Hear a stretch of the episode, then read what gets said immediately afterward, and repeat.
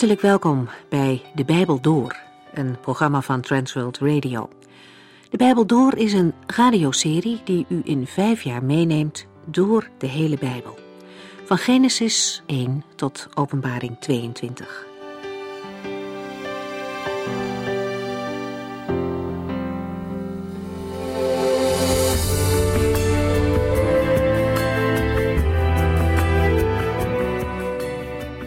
Vorige keer zijn we begonnen met één koningen.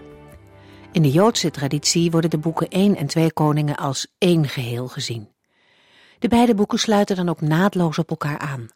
Ook qua opbouw, boodschap en thematiek is er een duidelijke eenheid in beide boeken. Het boek Koningen gaat, zoals de naam al zegt, over de periode van de koningen in Israël. Vanaf koning David tot aan de ondergang van het twee- en tienstammenrijk. Een periode van in totaal zo'n 400 jaar. In 1 en 2 Koningen lezen we dat Israël in twee rijken wordt verdeeld.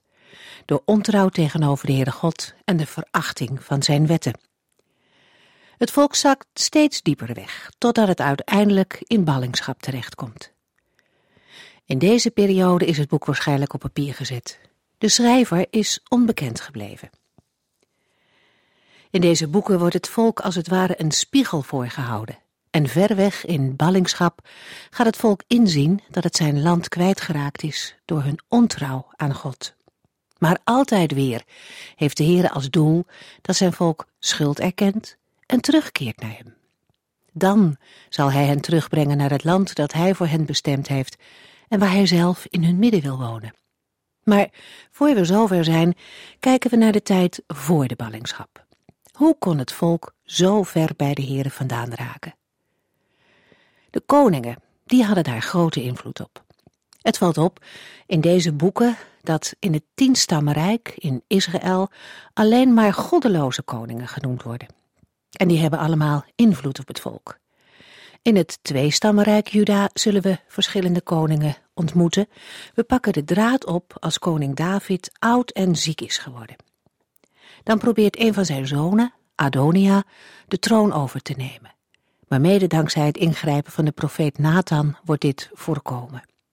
We lezen nu verder hoe David het koningschap overdraagt aan Salomo. Hij was de bestemde troonopvolger. 1 Koningen 2.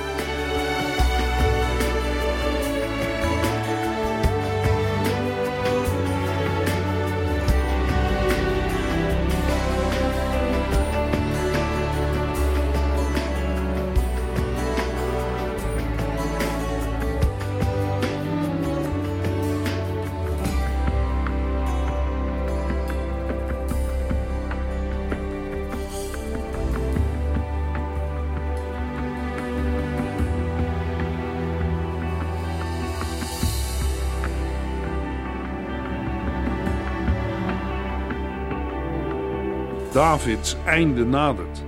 Hij geeft in 1 Koningen 2 zijn laatste wilsbeschikking door aan zijn zoon Salomo en draagt het koningschap definitief aan hem over.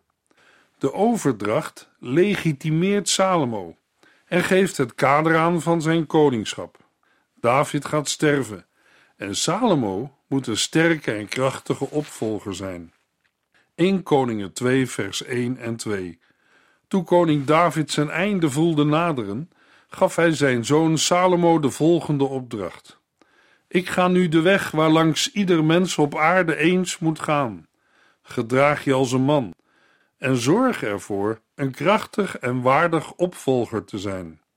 De uitdrukking David voelde zijn einde naderen wordt verder alleen gebruikt voor Jacobs laatste dagen in Genesis 47 de aankondiging te zullen heen gaan op de weg waarlangs ieder mens op aarde eens moet gaan, komt woordelijk voor bij Jozua's aankondiging van zijn dood. Jozua 23. De uitdrukking geeft aan dat David zijn sterfelijkheid erkent. De oproep aan Salomo om krachtig en gehoorzaam te zijn lijkt op de oproep aan Jozua. Mogelijk gebeurt dit opzettelijk, waardoor Salomo als een nieuwe Jozua ten tonele verschijnt, vastberaden en strijdbaar tegen vijanden, trouw aan het heiligdom en veelbelovend voor het land. 1 Koningen 2 vers 3 en 4 Gehoorzaam de wetten van God en volg al zijn wegen. Leef de geboden, voorschriften en aanwijzingen die in de wet van Mozes staan na, zodat het je goed zal gaan bij alles wat je doet en waar je ook gaat. Als je dat doet, zal de Heere de belofte die hij mij gaf nakomen.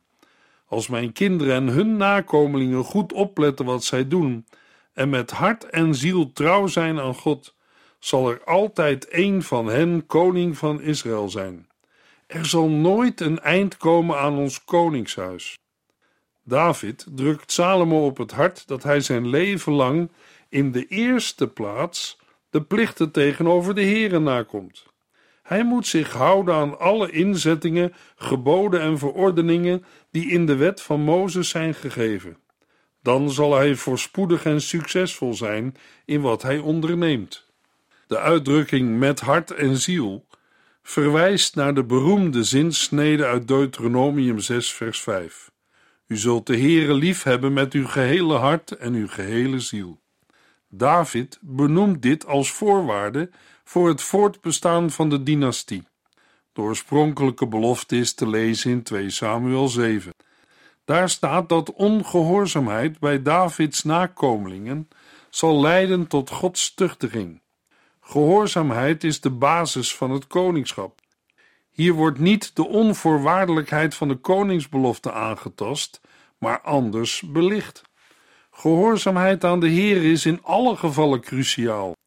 De koningsbelofte verklaart ook de messiaanse verwachting in het Oude en Nieuwe Testament. De erfenis van David kunnen we samenvatten in negen punten. Punt 1. In David werd de leiding over Israël van de stam van Benjamin naar de stam van Juda verplaatst en werd de dynastie van David gevestigd. Een belangrijk feit in verband met de afstamming van de Messias, Jezus Christus. In Lucas 1 hebben we gelezen dat de engel Gabriel tegen Maria zegt: U zult zwanger worden en een zoon krijgen, die u de naam Jezus moet geven. Hij zal een groot man zijn en zoon van de Allerhoogste worden genoemd. God, de Heere, zal hem de troon van zijn vader David geven. Punt 2. David stichtte Jeruzalem. Het werd de hoofdstad van Israël en het centrum van het Joodse godsdienstige leven. En dat is vandaag nog steeds zo. Toen Israël in 1967 Jeruzalem heroverde op de Arabieren in de Zesdaagse Oorlog, verklaarden zij dat zij de stad nooit op zullen geven, omdat Jeruzalem de stad van David is. Salomo verfraaide de stad door er de tempel te bouwen, en daarmee werd Jeruzalem het centrum van de Joodse godsdienst. David was degene die de voorbereidingen ervoor heeft getroffen. Punt 3. David verdreef de Canaanieten en rekende af met de afgodendienst. Het dienen van de Heere, van Yahweh, de God van Israël, de God van Abraham, Isaac en Jacob, de God die de Messias zou sturen, de Vader van de Heer Jezus Christus, werd het middelpunt en het belangrijkste in de samenleving van het volk Israël en Jeruzalem. Punt 4. David onderwierp verschillende volken en maakte hen schatplichtig aan hem en Israël. Hij breidde de grenzen van Israël uit naar het zuiden tot aan Egypte toe en naar het noorden en oosten tot de rivier de Eufraat. De westgrens wordt gevormd door de Middellandse Zee. David is degene die de grenzen het meest uitbreidde.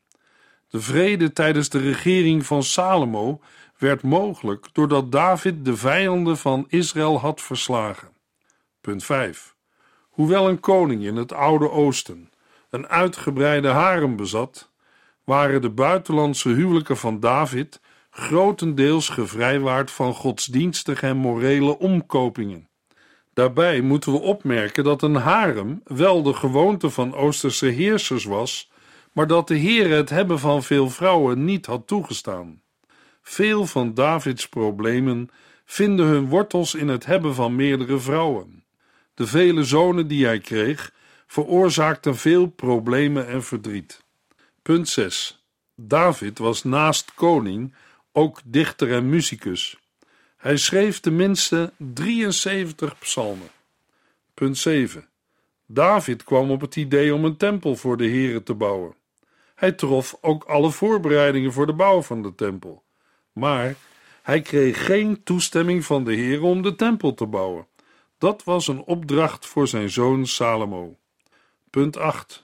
Ondanks het feit dat na de dood van Saul en Jonathan er rivaliteit ontstond tussen de tien noordelijke stammen en de twee andere stammen in het zuiden, Juda en Benjamin, wist David, door Gods genade en wijsheid, alle stammen onder zijn regering bijeen te houden en Jeruzalem tot nationale hoofdstad te maken.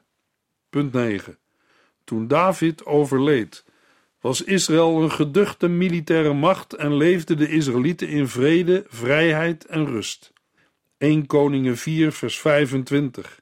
In dat hele gebied heerste vrede. Gedurende het leven van Salomo heerste vrede en veiligheid in Israël en Juda en iedereen genoot van de opbrengsten van het land. David heeft deze vrede en veiligheid mogen bewerkstelligen.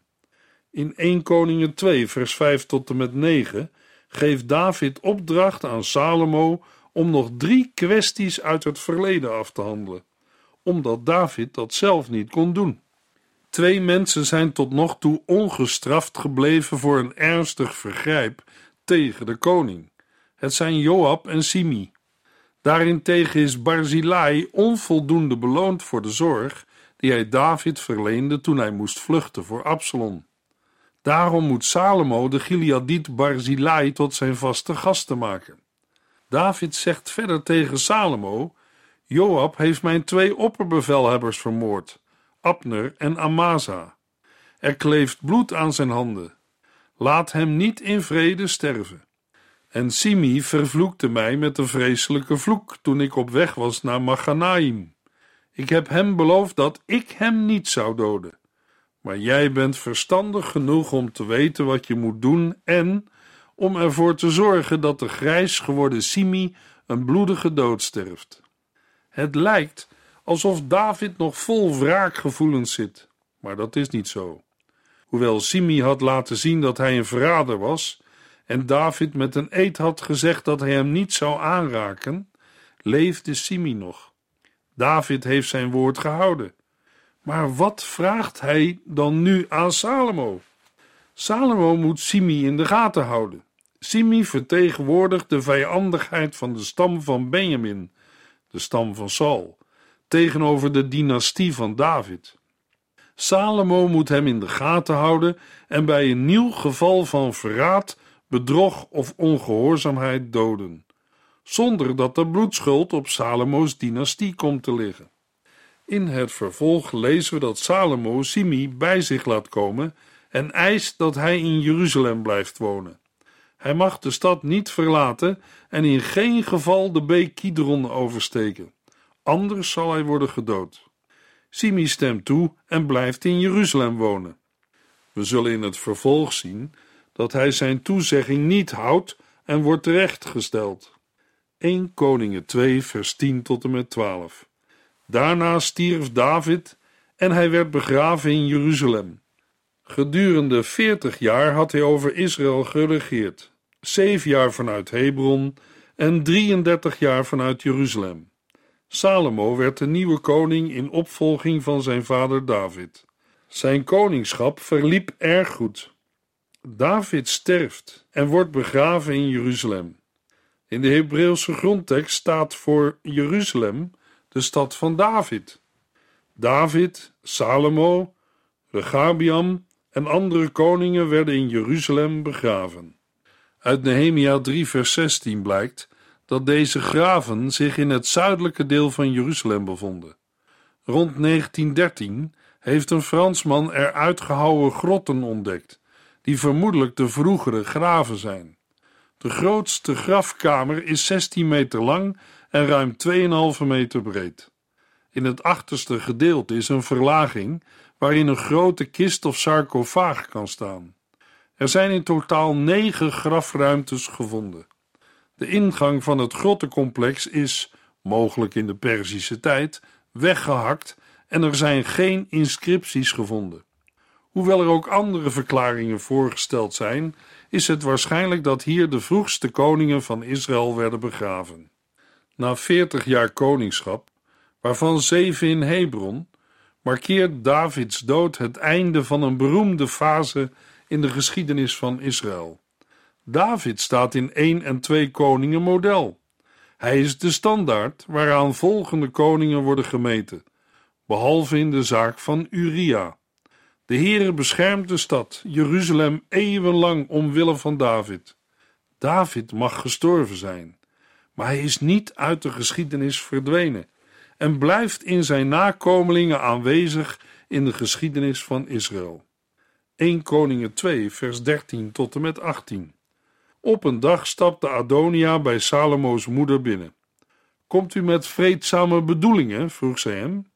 Ja, antwoordde hij, ik heb u iets te vertellen. Vertel het maar, zei ze.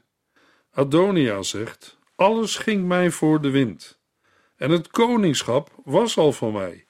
Iedereen in Israël verwachtte dat ik de nieuwe koning zou worden. Maar de kansen keerden en mijn broer kreeg alles, want zo wilde de Heer het. Maar nu wil ik u een kleine gunst vragen. Stelt u mij alstublieft niet teleur. Wat is die gunst? vroeg zij. Hij antwoordde: Praat u alstublieft namens mij met de koning Salomo, want ik weet dat hij u niet zal weigeren. Vraag hem of hij mij Abizag, de Sunamitische, als vrouw wil geven. Goed, zei Batseba, ik zal het hem vragen. Adonia, de oudere halfbroer en voormalige troonrivaal, benadert Batseba, de moeder van Salomo. Zij vindt het verdacht en controleert eerst of Adonia wel vreedzame bedoelingen heeft. Adonia geeft zijn kijk op de gebeurtenissen in het recente verleden. Als oudst levende zoon van David behoorde hem de troon toe. Met enige overdrijving zegt hij dat iedereen in Israël verwachtte dat hij de nieuwe koning zou worden. Maar het koningschap ging naar Salomo. Adonia erkent dat dit door de Heer is beschikt. Toch wil hij nu om een gunst vragen.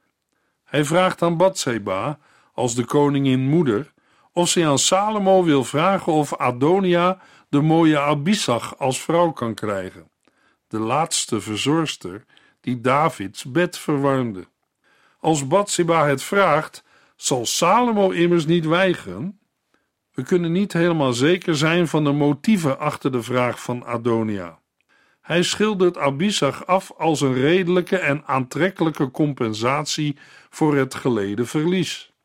De vraag lijkt geen hoogverraad, maar toch zijn er redenen om Adonia van verborgen troonambities te verdenken.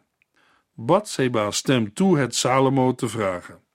1 Koningen 2 vers 19 tot en met 21 Toen zij koning Salomo die gunst ging vragen, stond de koning op van zijn troon en boog diep voor haar.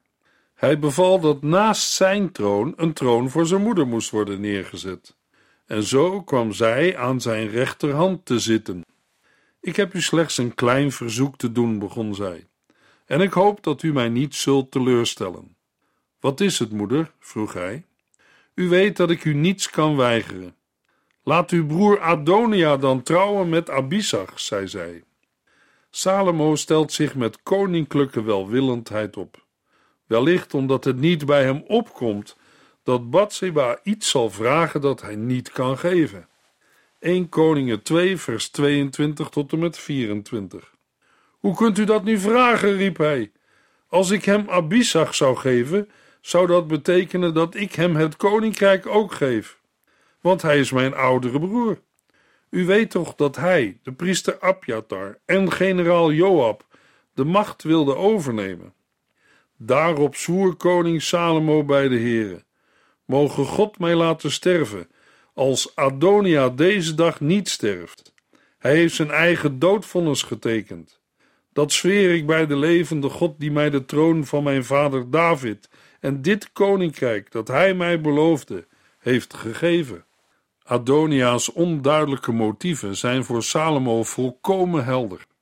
Adonia heeft zijn troonambities nooit opgegeven en gebruikt nu Batseba om ze door te voeren.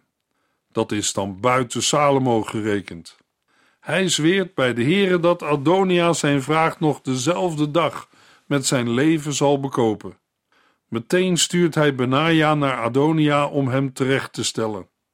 Batseba dacht dat Adonia een redelijke vraag stelde, maar Salomo had zijn plannetje direct in de gaten.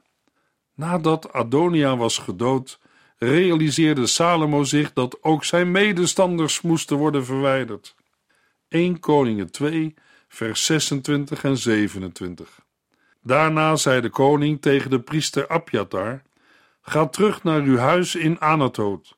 U verdient ook te worden gedood, maar ik zal het nu nog niet doen, want u droeg de ark van de Heere God tijdens mijn vaders regering, en u maakte alle moeilijkheden samen met hem door. Zo dwong Salomo Abjatar zijn positie als priester van de Heere op te geven, waardoor hij de voorspelling van de Heere bij Silo over de nakomelingen van Eli in vervulling deed gaan. De hoge priester Abjatar was ooit Davids dienaar, maar hij koos Adonia's zijde. Vanwege zijn rol voor de ark van het verbond wordt hij niet gedood, maar verbannen naar zijn landgoed in Anatoot.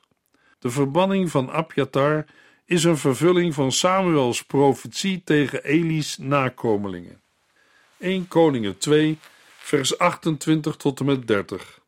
Toen Joab hoorde dat Adonia was gedood, hij had zelf meegedaan aan de opstand van Adonia, maar niet aan die van Absalom, rende hij voor bescherming naar het heiligdom en greep de horens van het altaar. Dat hoorde koning Salomo. En hij stuurde Benaja er naartoe om hem te doden. Benaja liep het heiligdom in en zei tegen Joab: De koning beveelt u naar buiten te komen. Nee, zei hij, ik zal hier sterven. Daarop ging Benaja terug naar de koning om verdere instructies te vragen. Wanneer legeraanvoerder Joab hoort van Adonia's executie en de verbanning van Abjatar, vreest hij het ergste en vlucht naar het heiligdom. Daar grijpt hij de horens van het altaar vast, net zoals Adonia deed toen zijn plan om koning te worden mislukte. Het heiligdom is een toevluchtsoord voor mensen die zonder opzet iemand hebben gedood. Joab ziet zichzelf als onschuldig. Hij heeft wel de verkeerde partij gesteund en Absalom geholpen tegen koning David, en Salomo heeft hij niet geholpen tegen Adonia. Joab denkt nu dat hij recht heeft op toevlucht. Maar Joab wordt vervolgd om bloedschuld. Hij heeft Amasa en Abner met opzet vermoord. Nu kan zelfs het altaar hem niet redden. Salomo is niet onder de indruk van deze toevlucht en beveelt Benaja om hem te doden. Het altaar mag niet misbruikt worden om een vonnis over bloedschuld te verhinderen. Dit laatste is doorslaggevend. Joab laat Salomo geen andere keus dan hem inderdaad bij het altaar te doden. Zoals te verwachten is, voert Salomo nu vervangingen door. Benaja vervangt Joab en na het vertrek van Abjatar is Sadok nu de enige hoge priester. 1 Koningen 2 vers 32 Zo zal de Heere hem zijn verdiende loon geven voor de moord op twee mannen die beter waren dan hij.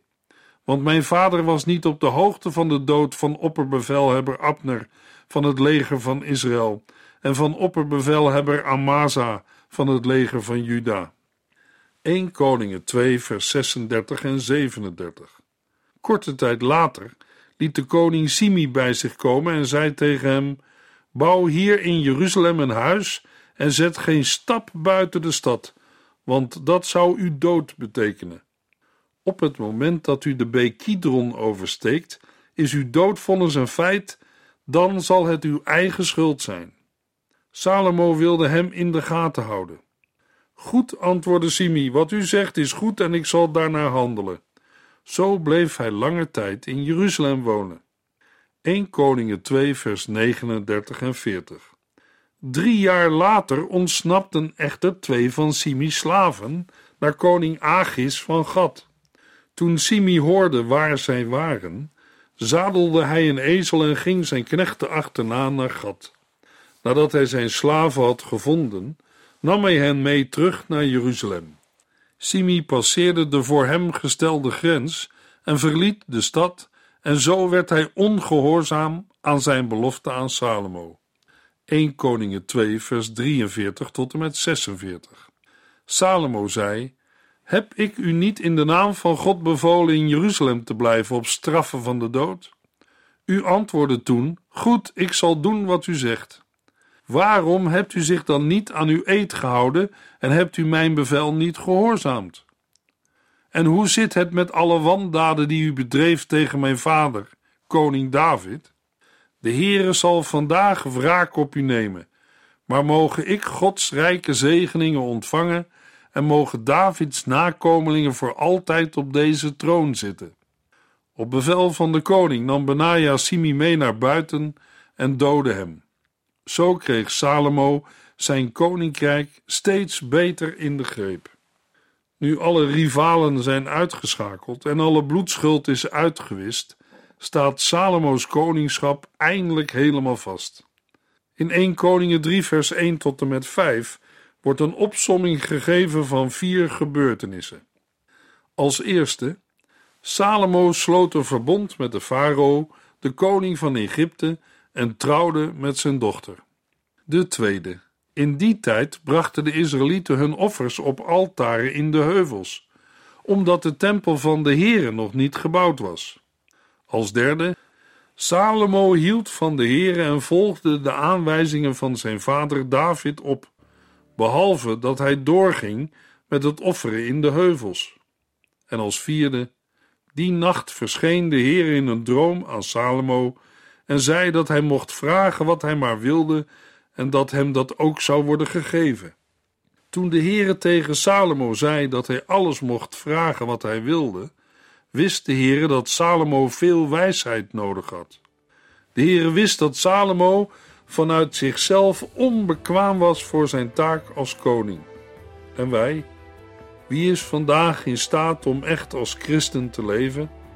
Wat zou u vandaag aan de Heere willen vragen? In de volgende uitzending lezen we verder in 1 Koningen 3 vers 6 tot en met 4 vers 34.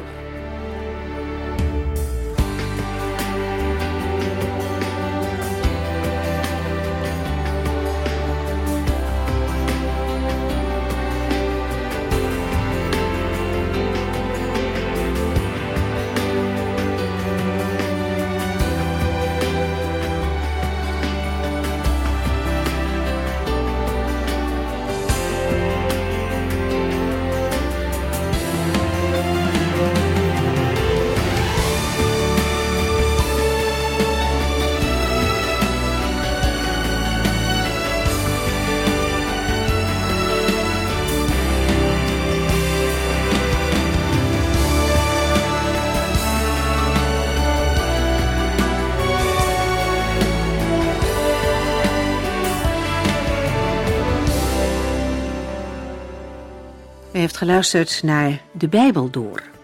In het Nederlands vertaald en bewerkt door Transworld Radio. Een programma waarin we in vijf jaar tijd de hele Bijbel doorgaan. Als u wilt reageren op deze uitzending of u heeft vragen, dan kunt u contact met ons opnemen. Tijdens kantooruren kunt u bellen op 0342 47 8432. 0342 47 8432.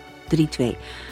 Ook kunt u een e-mail sturen naar de Bijbel door transworldradio.nl en natuurlijk kunt u ook via de post ons bereiken. TWR, postbus 371, postcode 3770, AJ in Barneveld. Dit programma werd gepresenteerd door Cor Weda en Ike André. Techniek was in handen van Odin van Woerdekom. En wij allemaal bedanken u voor het luisteren. Graag tot de volgende keer.